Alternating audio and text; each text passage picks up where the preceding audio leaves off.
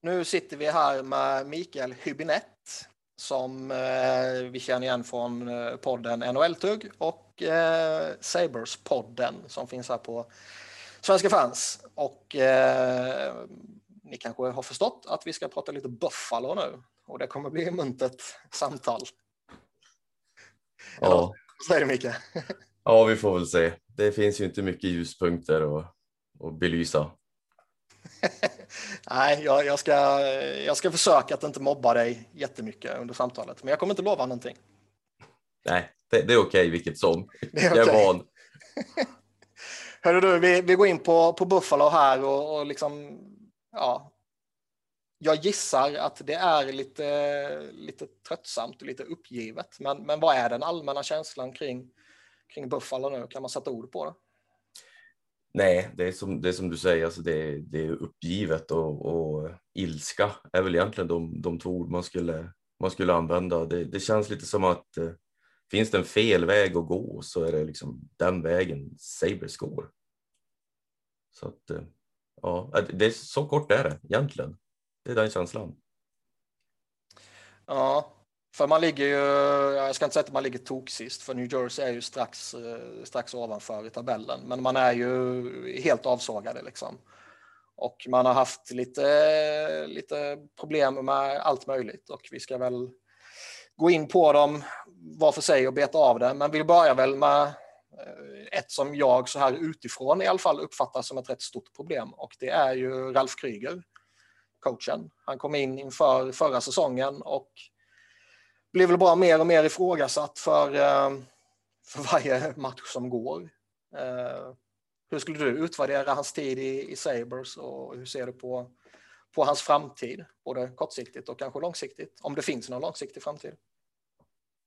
Ja, alltså jag tror, ska man, ska man säga någonting om Kryger så tror jag att de flesta fansen känner sig rent ut sagt lurad. För att jag lyssnade faktiskt igenom vårt eh, avsnitt från Saberspodden när han blev anställd. Jag känner mig så jävla korkad. Jag känner mig så korkad efter att ha lyssnat på det där avsnittet så du anar inte. Eh, när han blev anställd så var det liksom guld och gröna skogar och det kom ju som en lavin av folk från alla möjliga håll som ville, som ville hylla Kryger för den person han är och vad han kan göra från ett lag. Det var liksom Paul Maurice och det var Ryan Whitney. Alla de här insiderskillarna kom och hyllade han för att han skulle vara en sån het värvning. Dels på grund av att eh, hans eh, höga intelligens som alla pratar om och han är taktisk. Han är noga med detaljer. Han är fantastisk att motivera och han är liksom rak med spelare och hela den biten. Och det där som det svarade man ju för att just just en sån där uppståndelse hade inte jag varit med om tidigare när en coach hade blivit anställd. Att folk mer eller mindre sträckt upp handen för att prata om han. Så det kändes ju skitbra. Men nu har vi nio vinster på de senaste 43 matcherna och eh, det går liksom inte att se någon röd tråd hur vi spelar annat än att vi ska försvara med hög press i egen zon. Problemet är väl att eh, när spelarna tar sig ur den där pressen så blir det bara en ren hönsgård. Och eh, anfallszon så har jag ingen aning om vad vi ska göra. Alltså det, det är dumpa pucken och hoppas att den letar sig in framför mål. Det är liksom vad jag tror idén är. Och ja, jag vet inte. Det, han har ingenting att komma med. Han har ingen ny spelidé eller han försöker ingenting nytt. Det, ja, jag vet inte. Han är ju fascinerande så. Han har ju en, en lång eh, karriär i Schweiz och Bås eh, bakom sig. Och sen så gick han in och var lite assisterande headcoach i Edmonton innan han tog ett år som, som headcoach där. Och eh, sen gick han och blev ordförande var det väl i Southampton. Alltså Ja. Premier League-laget. Och sen så tog han det, det mest plastiga påhittelaget i den mest plastiga påhittkuppen som någonsin finns när han tog Team Europe till, till framgångar i World Cup. Och, och så får han Sabres-jobbet då. Och, ehm, det är lite som du säger, han, han var ju väldigt respekterad men det känns som att allt positivt som man lyfter fram kring honom då har ju typ som du säger, visat sig vara falskt. Man ser lite citat han slänger ur sig och man ser lite hur han hanterar typ en Jeff Skinner till exempel. Eh, får ju en att starkt ifrågasätta hur, hur han är som ledare. Liksom. Ja, ja, men, ja, men så är det ju. Och, och just det här, han, han verkar ju fortfarande vara bra på att motivera och, och prata med spelarna. Det, det, det tvivlar jag inte på. Det gör ju att jag börjar undra om han kanske är mer en, en coach nu då, som skulle fungera för ett sånt här World Cup-lag eller för ett landslag där han inte har hand om spelarna hela tiden, utan det handlar mer om kanske få ihop en grupp, eh, ha en ganska enkel taktik och, och, vad man ska göra utifrån det. Men, men det, här, det här funkar ju inte alls och eh, det här du nämnde med Skinner, det, det är ju en helt obegriplig situation där han har pratat om att eh, no matter your skill level, eh, it's the general play within the principles som räknas liksom. Och, och det är liksom det han har sagt. Alltså det, det, det är anledningen till att Skinner har blivit har fått spela fjärde lina, han har haft typ eh, 10-12 minuters istid. Eh, till, och med, till och med satt på läktaren i tre matcher. Och varav inför den tredje matchen så gör de en, så skickar man till Taxi Squad och plockar upp eh, Thomson. Och först då tyckte man ju att ja, ja det, är väl, det är väl inget märkvärdigt med det. Skinner får träna med Taxi Squad och, och, så vidare. Men inför matchstart så blir Eichel också scratchad och det kommer ut att han har dragit på sig en skada. Eh, de frågar Kryger om den här skadan och han säger ja, det var, han drog på sig en skada på, på uppvärmningen. Därför kunde inte han spela och då var det ju naturligt att vi plockade in Thomson. Efter matchen så frågar de Eichel om den här skadan. Ja, nej, den drog jag på mig i matchen mot New Jersey Devils. Det var ingen skada på någon uppvärmning, utan den drog jag på mig mot New Jersey Devils. Och det finns ju inte en chans att Kryger inte visste om det. Det, det låter ju så fruktansvärt orimligt. Så den troliga anledningen att han gjorde den där taxi squad-swappen, det var ju för att inte behöva spela Skinner för att Eichel inte kunde och behöva svara på det. Men det, det kortet raserar ju när, när eh, Eichel berättar om skadan själv. Så det är också en sån här grej som, blir, blir bara, som man bara lägger i högen av konstiga grejer. Och han är ju en mästare på att slingra sig ur frågor i media och att eh, det, blir svårt att hänga med svaren när han blir pressad. Det är som att man zonar ut själv. Han får, han får en direkt fråga om någonting han hade kunnat gjort annorlunda eller hans egna ansvar och han slingrar sig ur det. Och jag har läst lite grann att det är tydligen en medveten eh, strategi som han har använt sig av tidigare också, framförallt hans tid i Southampton. Southamptons sån här eh, SB Nation blogg försökte summera vad han åstadkom under sin, sina sex år i Southampton och där har de ett stycke som de kallar bullshit bingo. som är just det här äh, att att när han blir pressad så börjar han liksom, han är ju så duktig att prata, så då börjar han slingra sig och rätt vad det är så vet du typ inte vad frågan egentligen var. Och så slänger han sig jättemycket med sådana här buzzwords som eh, med ansvar och principles och allt sånt där. Äh, så att, ja. Det... Vad, vad känner du om hans framtid här då? Eh, är det så enkelt att bara sparka honom eller eh, kan, kan situationen påverkas av liksom coronaläget och ekonomiska faktorer som kanske gör att man, man måste behålla honom och säsongen ut till exempel? Alltså, jag tycker att de måste sparka han eh, så fort som möjligt. Eh, och det oavsett om du tar in en tränare som måste sitta 7 eller 14 dagar i, i karantän, det spelar ingen roll. Men du måste ta reda på vad du har i laget, hur mycket av det vi ser på isen är på grund av Kryger. Och det här behöver du även veta inför liksom deadline. Vad ska du satsa på? Dina UFAs, dina RFAs och så vidare. Vad, vad vill du ha kvar? Eh, men ja, frågan är ju om Pugulas liksom, för de har ju försökt dra in på pengar. Eh, det går rykten om att de vill inte sparka ytterligare en coach som de måste betala. Kryger eh, har ju 3,9 miljoner dollar per år och han har ett år kvar på kontraktet. Och, och eh, så, så det, är, det är ju lite frågan. Samtidigt så har du ju väldigt bra coacher tillgängliga. Så att, ja, som Sabres fans så sitter man ju bara scrollar genom Twitter och väntar på att nyheten ska komma att han blir sparkad. Men eh, ja. Ett namn som det har slängts ur här som ett alternativ om man skulle gå den vägen är ju Matt Ellis. Mm. Vad, vad vet du om honom? Perfekt. Eh, Mr Grit and Compete. Eh, för detta NHL-spelare i Buffalo och i Detroit. Eh, en fantastisk karaktär och en kille som verkar ha ganska sund inställning till det mesta. Var ju en riktig, riktig grinder i, i, i NHL då. Så vitt jag vet så har han coachat, vår assisterande coach för Buffalos, Buffalos Junior Sabres, typ pojkar 13 år, ett år och head coach ett år. Det är liksom det jag vet av att han har coachat. Jag tror aldrig han har coachat på seniornivå eller någonting eh, liknande. Han har ju kommit via när Center och jag tror han tog över Kevin Adams roll eh, när Kevin Adams blev GM. Och det låter ju som helt vansinnigt att anställa han, så varför ska de inte göra det? Jag, men, jag menar, ja, nej, jag, jag har läst det där också att, att han är en av kandidaterna, men jag menar, han har inte bevisat, han har bevisat absolut ingenting. Han har inte gjort någonting, han har ingen erfarenhet av det. Så att, eh, nej, det hoppas jag verkligen inte.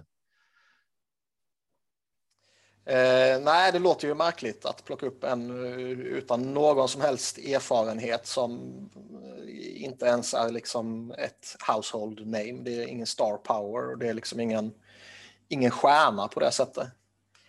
Eh, du var inne lite på Kevin Adams här tidigare som ju kommit in som, som GM här nu och som ska ratta skeppet och jag läste någonting om att Eh, Eh, ja, eh, han säger då att han och Ralf Kryger, eller om det var Kryger som sa det, jag minns inte, men en av dem sa att eh, vi två är på, på samma sida, vi, vi tycker samma saker och det var väl lite i efterspelet kring Jeff Skinner eh, petning och sånt här. Vad, vad tycker du om Kevin Adams som GM?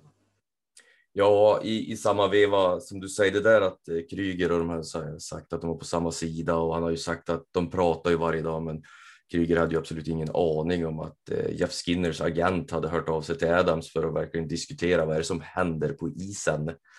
Eh, det hade ju Kryger ingen aning om alls. Eh, men min uppfattning om Adams det är väl att han gjorde några intressanta moves i sommar när han tog in Ståhl och skickade iväg Marcus Johansson. Taylor Hall var ju en chock för tror jag, de flesta i, i ligan att Buffalo lyckas landa. Dock var det mycket tack vare Kryger sägs det. Eh, men det är lite svårt att veta vem det är som bestämmer i, i, i Buffalo, om det är Adam som är GM. För att inför säsongen så var det mycket snack om att vi, vi måste ha mycket bättre kommunikation.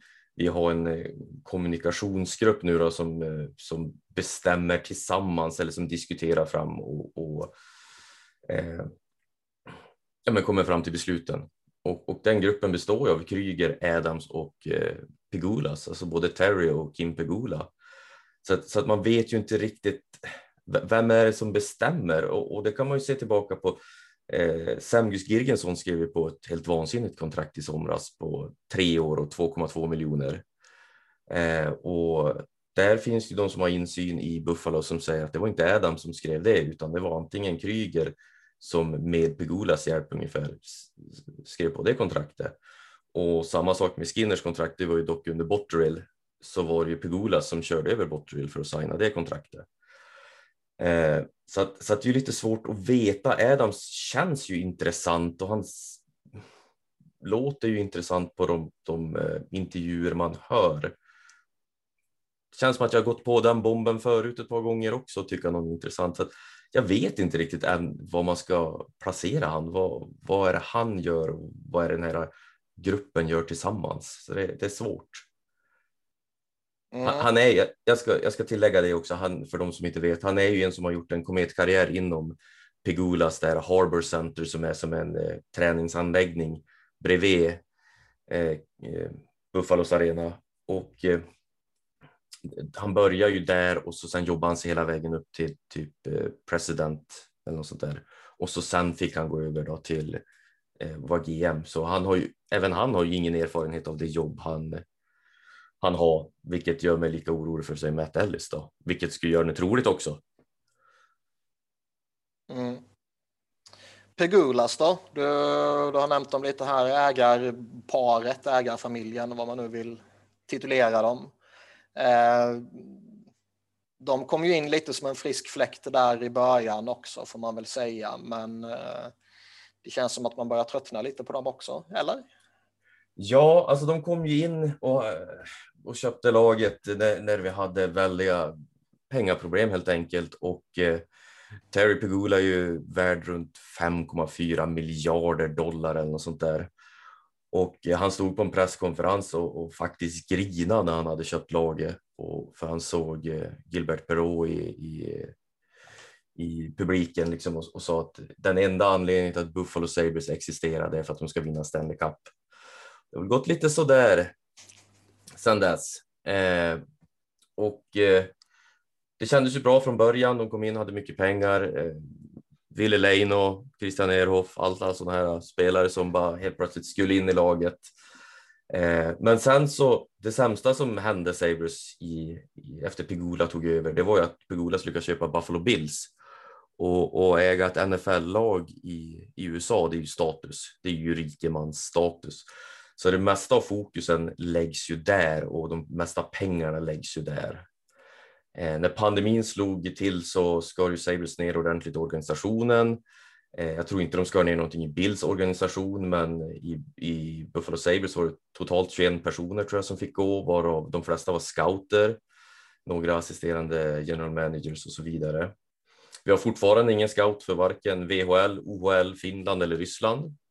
Det mesta ska ju ske via video och gå via typ Anders Forsberg som dessutom är skidlärare i Åre. Ja, eh, och de skar ju även ner i, i PSE, Pegula Sports Entertainment, och jag tror det rörde sig om typ 100 personer som fick gå därifrån. Och innan den nedskärningen påbörjades så hade Kim Pegula, då, som är president över Buffalo, ett snack med sina anställda, typ något som skulle föreställa ett peptalk. De berättade att vi måste jobba mer för varandra eh, och vi kommer måste skära ner på kostnader med mera. Och så upp avslutar hon med att eh, de måste kunna upprätthålla Pegulas familjs livsstil. Det är det primära målet för organisationen. Alltså, och, då var det ju många som eh, liksom direkt förstod att ja, vi kommer ju bli sparkade innan de liksom eh, cancelar sin semesterresa till Tahiti eller något sånt där. Eh, och som det är nu då så är det ju många som riktar väldigt mycket ilska mot eh, Pegula en av eh, Twitteranvändarna Eh, eh, som syns mycket i Sabres Twitter, då, hon blev avstängd två veckor på grund av att hon var lite, lite väl grov i munnen mot, jag tror det var Buffalo Sabres och Pegula själv då. Så då stängde de av henne och många vill ju se att de säljer laget. Det som jag oroar mig för om de skulle sälja laget är dels vem vill köpa henne och vem vill ha kvar henne i Buffalo? säljer de det så då kommer vi troligtvis hamna någon annanstans känns det som. Så att det, det, det är som dystert från botten till toppen kan man säga i den här organisationen. Mm.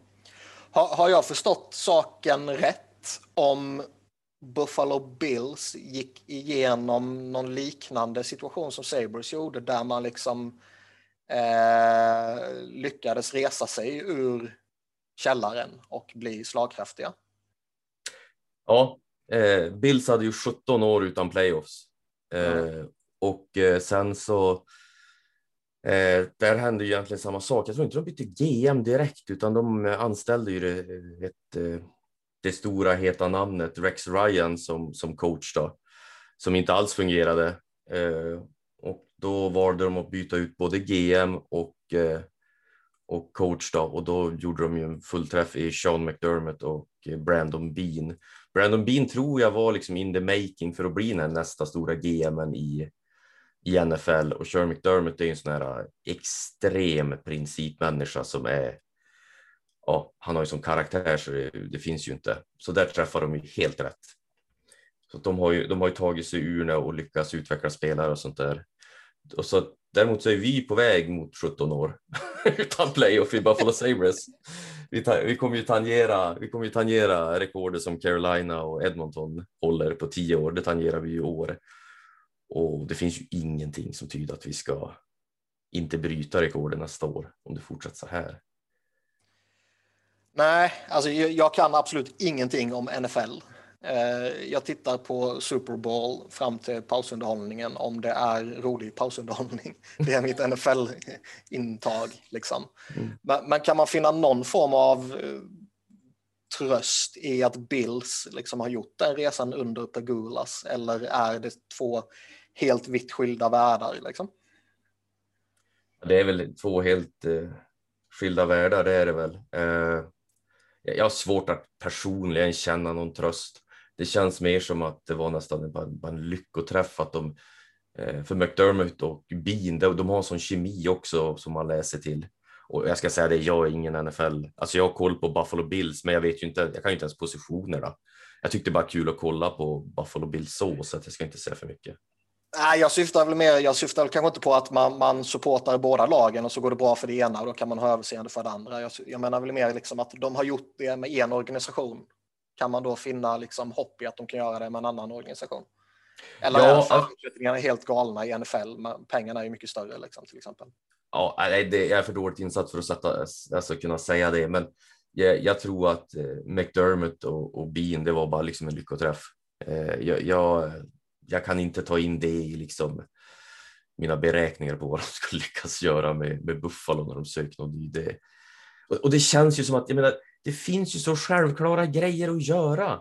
Jag menar, du har Galant och Bruce eh, Boudreau och du har eh, eh, Claude Julien. Vad fan betalar han vad han vill ha? Men du ska bara prata om Matt Ellis. Men det, det, är liksom så här det fungerar i den här organisationen. Och, och, och, och man kan ju återkoppla till liksom hur vi, det fungerar på isen också. Vi har Eh, vi har Ryder och och Poso som är den sämsta ligan i hela NHL på expected goals. Eh, och de hade tre skottförsök nu senast mot Philly eh, och de hade 18 emot sig. Den kedjan har typ inte blivit uppbruten på, alltså de får spela hela tiden. Men däremot scratchar vi Skinner och, och, och Cossens. Så sådana här saker som är så självklara utifrån, det gör vi inte, utan, utan, utan vi, jag vet inte, jag vet inte vad de håller på med. Det, det är helt eh, obegripligt. Matt Ellis, fan, kom igen! Oh. Vad är en av de kanske mest fascinerande situationerna så här utifrån att följa är ju Jack Eichel. Där eh, de, de flesta kanske tror att om han inte redan har gjort det så kommer han snart göra det. Och det är ju att kanske tröttna på situationen i Buffalo och aktivt vilja söka sig därifrån. Eh, hur, hur ser du på läget för för honom? Ja, alltså. Ja, nu fan tror jag han är less. Jag tror han är riktigt, riktigt less. Sen om han har begärt en trade eller inte, det, det har jag ingen aning om. Jag, jag kan säga så här, jag är inte orolig för de ryktena överhuvudtaget. Eh, ska jag klandra han om han slängde in en trade request och liksom gjorde det så att alla fick reda på det? Jag, jag ska inte klandra honom för det heller. Men jag tror nog att jag väntar till efter nästa säsong innan jag börjar bli, bli riktigt orolig. För jag menar, vilket lag har Treidan spelat i, i med liksom Jack Eichels spetsegenskaper och blivit bättre från det? Det? det? finns ju inte. Jag menar, den traden finns ju inte där ute. Du har dessutom ett kontrakt på 10 miljoner som ska in i någon klubb. Och ja, jag har svårt att se hur den skulle fungera, hur en sån trade skulle se ut. Så det är jag inte orolig över. Men, men när du säger den märkligaste situationen utifrån, den märkligaste situation som, som jag ser på hela laget, det är ju Dalin, Rasmus Dalin, liksom vad som hände med han un, under under Phil Housley så alltså, det var en av de få grejerna som man satt uppe varenda jävla natt för att se. Det var ju Dalin sättet han fick spela hockey på. Det, det tog ju lite tag från början innan, eller innan Housley lita på han helt. Men, men nu, det, det Kryger håller på med, det är ju, jag begriper inte, för Dalin följer inte ens med upp i kontringar. Då, då stannar han ju mer eller mindre, han kommer ju glidandes efter om han inte får byt. Jag menar, du har en av de mest eh, talangfulla backarna offensivt på jag vet inte hur länge och du utnyttjar inte. Han får, får spela mer eh, defensiva starter nu. Han får spela mer minuter mot motståndarnas bästa lina för, för att för att Kryger ska lära han spela försvarsspel. Men, jag vet inte. Kanske para han med en bättre defensiv back då och så använder han som ett vapen framåt. Som alla andra coacher som har coachat han gjort och haft framgång med han. Men det, det, är det jag tycker är absolut märkligaste med, med hela den här situationen. Eh.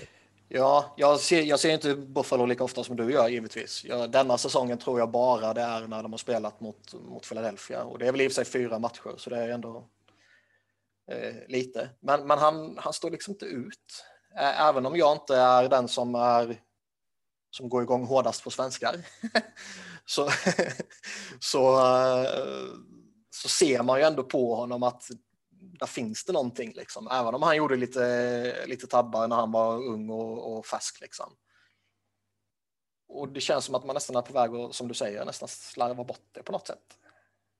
Ja, det, det, det, det är så jävla märkligt för att jag menar sättet med hans vi säger, zone entries som han kan göra och som han gjorde under Housley, det ser man ju inte längre. Det, det är liksom att Buffalos, eh, som vi var inne på tidigare med anfallsspelet, eh, jag vet inte om det var mot Philly eller om det var mot Islanders så fanns det jävligt tydlig sekvens när Dalin får pucken vid blå och har världens läge att egentligen åka in med den. Men då laddar han för slagskott, ångrar sig och tänker att Nej, men det kanske är bättre att behålla possession istället. Så han vänder om, backar upp, låter medspelarna komma ur zon, passar över till Ristolainen som drar ett slagskott direkt ner i hörnet. Man, men snälla. Ja, Nej, så att det är liksom i ett sånt där läge annars med Dalin, då hade han ju kanske tagit tillbaka pucken och försökt bygga upp eh, fart och attackera zonen igen. Men sånt ser man inte under Kryger. Man ser liksom ingen sån här spelare som är eller eh, backar som, som följer med i rushen upp. Det är, det är inte konstigt att vi inte gör något mål.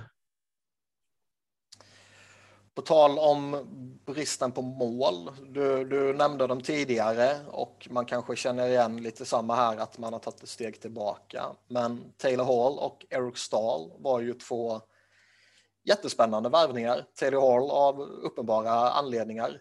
Eh, peta in han jämte Jack Eichel så kanske det blir, det blir massvis med mål. Eh, Eric Stahl eh, är fortfarande en bra spelare. Men de gör inte mål. Och vi kan mm. klumpa in Jack Eichel där också. Han, han gör inte mål. Nej. Nej, de har väl gjort. Eh, de har väl gjort två mål var tror jag. Jag tror Erik Ståhl har gjort tre och så Jeff Skinner har gjort ett. Och, och ja, jag vet alltså Taylor Hall ser inte ut att vara en speciellt bra spelare heller i Buffalo. Ändå så har han ju, jag ser att han, han, eh, han är ganska högt i ligan på sådana här high danger passes eller vad fan man räknar och, och så. Men, men just den här eh, farten och, och, vad man ska göra när man kommer in i anfallszon, det, det, är som, det är som att vi inte har en plan som jag har sagt. Jag vet att jag upprepar mig själv, men det blir liksom så tydligt att, att eh, när vi kommer i en kontring så vet spelarna nästan inte hur de ska attackera situationen. Och eh, han, jag tror väl han, eh, Reinhardt och Eichel ligger lite topp fem eh, i antal ramträffar. Så han har ju haft ganska dålig packlack också om man, om man ser det så. Men eh, jag vet inte. Alltså det finns ju ingen i, i Buffalos lag som har sett egentligen bra ut, förutom faktiskt McCabe och eh, Ristolainen innan han höll fan på att dö av eh, coronan. Mm. Då såg ju de riktigt bra ut. Eh, sen så sabbas ju eh, McCabes säsong av ett eh, skadat knä. Och Ristolainen åkte ju på en ordentlig dos av, eh, av den här covid som, och han har ju inte återhämtat sig från det än. Men de två var ju egentligen de enda spelarna som har sett bättre ut under Kryger än vad de har gjort under tidigare coacher. Resten av laget ser helt platt ut. Det, det är liksom, Olofsson gör ju sin grej. Reinhardt är Reinhardt, han är ju, spelar ju alltid ganska jämnt och är på rätt ställe. Men, men eh, resten av laget, det, det är ju ingen som pika. Och jag menar hur det inte kan bero på coachen, det låter ju helt orimligt tycker jag.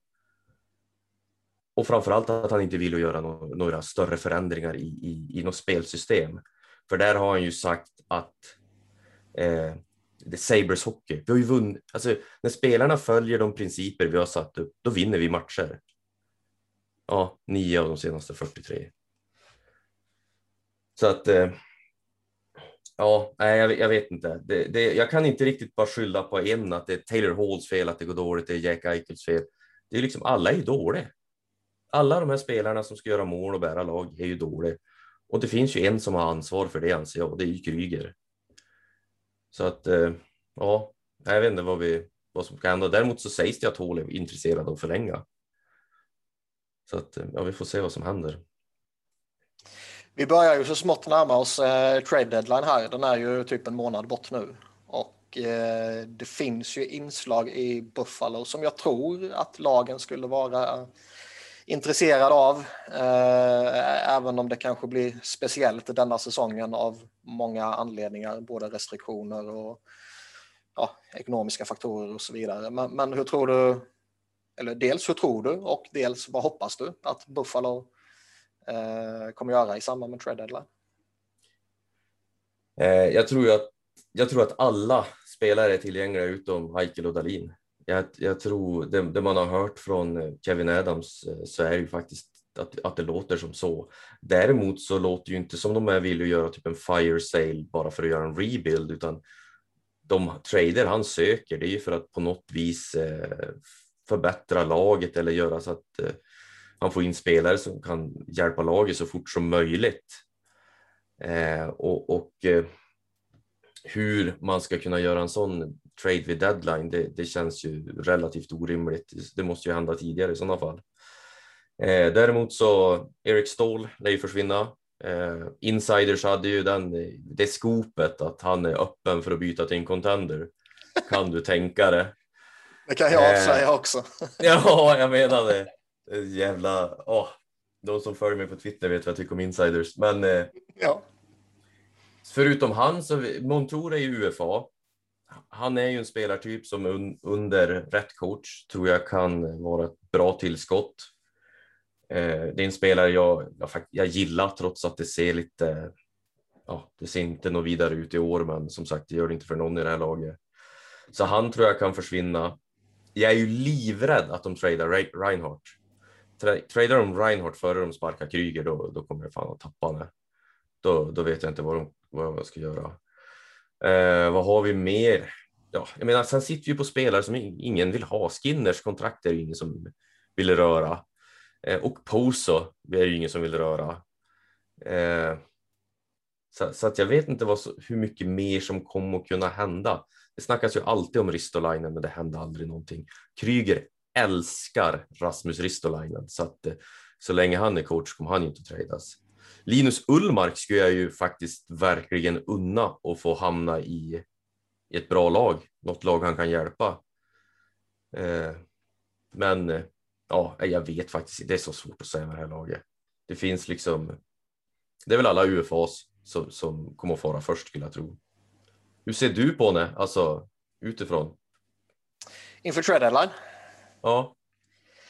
Jag tycker väl att man bör göra vad man kan för att eh, få iväg Eric Stahl.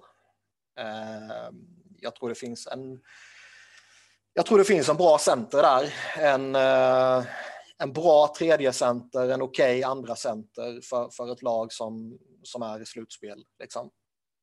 Ehm, man bör nog eh, aktivt undersöka marknaden för Brandon Montour. Jag vet inte om jag själv är så, så, så toksugen på honom, även om han liksom fyller lite fyller i lite boxar för att eventuellt kunna passa in i, i flyers. Liksom. Eh, men Sabres borde ju kolla marknaden tycker jag. Eh, Taylor Hall är ju liksom man, man, man bör ju definitivt kolla vad man kan få för honom på liksom, eh, genom att retaina halva lönen också. Typ. Mm. Där kan man ju eventuellt få ett, ett bra utbyte eller så får man inte ett skit. Och där någonstans måste man väl väga vad, vad gynnar det organisationen bäst att, att trada honom eller att eh, jobba hårt för att förlänga med honom. För man börjar bli lite skeptisk till om det liksom är värt att signa upp honom på ett stort och långt kontrakt. Alltså. Mm. Ja, nej, alltså jag, jag skulle kunna tänka mig förlänga, förlänga med hål, men Då är ju två, tre år på max 6-6,5 miljon är, är ju det jag skulle kunna sträcka mig till i sådana fall. Mm. Eh, och eh, ja, vi får väl se liksom hur stor anledning Kryger är då, i sådana fall om han blir sparkad om, och sen får man väl ta, hantera hål efter det då, men Ja, jag vet inte. Jag skulle gärna signa, signa upp Paul i alla fall. Jag menar, vi behöver, vi måste ha topp 6-spelare. Det är inget snack om saken. Ja, så är det ju. Ristolainen är lite intressant också. Liksom. Det, det är en, uh... han, han, har ju några fina tillgångar och sen har han några uppenbara brister också. Eh, men, men liksom frågan är ju hur, hur mycket hur mycket av hans brister beror på situationen han befinner sig i, där han liksom får spela hårda och många minuter i ett rätt dåligt lag. Eh, skulle han bli bättre av en lite bättre omgivning och lite enklare förutsättningar? Mm. Ja, jag, jag tror ju det. Jag tror ju att om du skulle kunna sätta han kanske mer i, i en position där han spelar sig andra backpar minuter, alltså då tror jag ju att att han skulle kanske kunna eh, kanske inte bidra så mycket mer offensivt, men han skulle kanske skära ner på misstagen han gör defensivt emellanåt. Ett, ett av hans absolut eh, största problem som jag ser det är den här eh, som jag säger, speluppfattningen eller beslutfattandet. När ska jag proppa en spelare och när ska jag gå efter pucken? Och när ska jag bara liksom följas med spelet? För vi har ju sådana där situationer där det kommer eh, tre mot två och han väljer att gå ut och proppa wingern som släpper pucken in mot mitten och då är det två mot en. Och, och liksom sådana här saker kanske man skulle kunna polera bort om man ger han lägre minuter. Och jag, tycker, alltså jag är ju livrädd om Flyers skulle vilja träda för han, för han känns ju som en som skulle kunna vara ett monster i, i, i den omgivningen helt enkelt. Grejen är att jag, jag är också lite livrädd för att trada för honom. ja, Nej, men, nej, men skämt åsido, det, jag tror säkert han skulle kunna göra, göra nytta i ett lag. Jag tror han skulle se bättre ut i ett annat lag också. Det känns ju som att jag tycker att Sabres har fyra stycken högerfattade backar där alla egentligen bör spela. Liksom. Jocke Harju och Miller, Montoro och Ristolainen. Jag tycker ju att, att ja, de ska spela och har man fyra högerfattade backar så då borde man ju utnyttja situationen och försöka kränga en av dem. För högerfattade backar kommer alltid vara attraktiva på marknaden. Eh, ja. frågan, är, ju vem man väljer av dem då och, och eh, vad, vad, man vill ha ut av det. Om man vill få in någon vänsterfattare istället eller någon forward eller picks och prospects eller vad det skulle kunna vara. Men det, där, där bör man nog kanske undersöka och det kanske man gör med Brandon Montour som uh, han spelar väl en del till vänster visserligen. Men det känns lite, lite slöseri också med högerfattare. Ja, ja, jag håller med dig. Jag håller med dig. Ska, ska jag välja så skulle jag ju gärna, gärna skicka Miller fram, alltså först och främst. Eh, om det finns en statistik för skott i benskydd så tror jag att han är överlägsen etta där. För han, han slarvar ju bort fruktansvärt många situationer i anfallszon genom, genom att han är så överdrivet skottvillig emellanåt. Eh, men, men som sagt, ja, nej, jag, jag håller med dig. Varför? varför? Det, det, är bara en sån här konstig grej. Och här, det är inte första säsongen vi har det där heller. Det var ju redan liksom förra säsongen, men det hände ingenting. Och det, det är också en sån här. Om det finns en röd tråd i Buffalo så är det ju att man inte agerar i tid och gör saker utan man låter saker liksom rinna ut i sanden. Och, och som, ja, men som förra säsongen, vi hade behövt trada för spelare tidigare och det slutar med att vad är, jag vet inte, strax innan deadline så tar vi in Frolic från Calgary som att det skulle hjälpa. Och, och ja, så att eh, det är väl just det alltså, som är, är att vara ett Sabres-fan. Man, man, man, tycker att det här är ju självklart, någonting måste ju hända men ingenting händer. Att vara Sabres-fan, det är liksom att bara gå och vänta. Vi, eh, vi har snart tuggat i tre kvart och eh, väldigt fascinerande snack tycker jag. Det, det är ju en, en, en, sjuk situation som Sabres befinner sig i. Liksom. Så jag har absolut inte velat avbryta dig. Men, men eh, innan vi rundar av här, har du, har du några avslutande ord som du vill ventilera? Jag undrar om det är så här terapi känns. Sitta, sitta och prata med mig. Nej, man, man liksom bara lå, låta det flöda ut i, i etern, höll jag på att säga. Nej, alltså jag, vet, jag har ingenting mer att säga som jag inte liksom redan har sagt, eh, tycker jag. Det, det, blir för... Det skulle vara upprepa sig själv egentligen. Det, det, det enda jag hoppas på nu är att de kickar Kryger, He, alltså hela, de måste rensa hela bänken. De måste bort med, med Smith och, och ja, de andra tränarna också. Det, det går inte att ha kvar någon, måste börja om. Härligt. Eh, intressant snack, väldigt fascinerande att lyssna på. Stort tack för att du ställde upp. Tack för att ni tog er tid.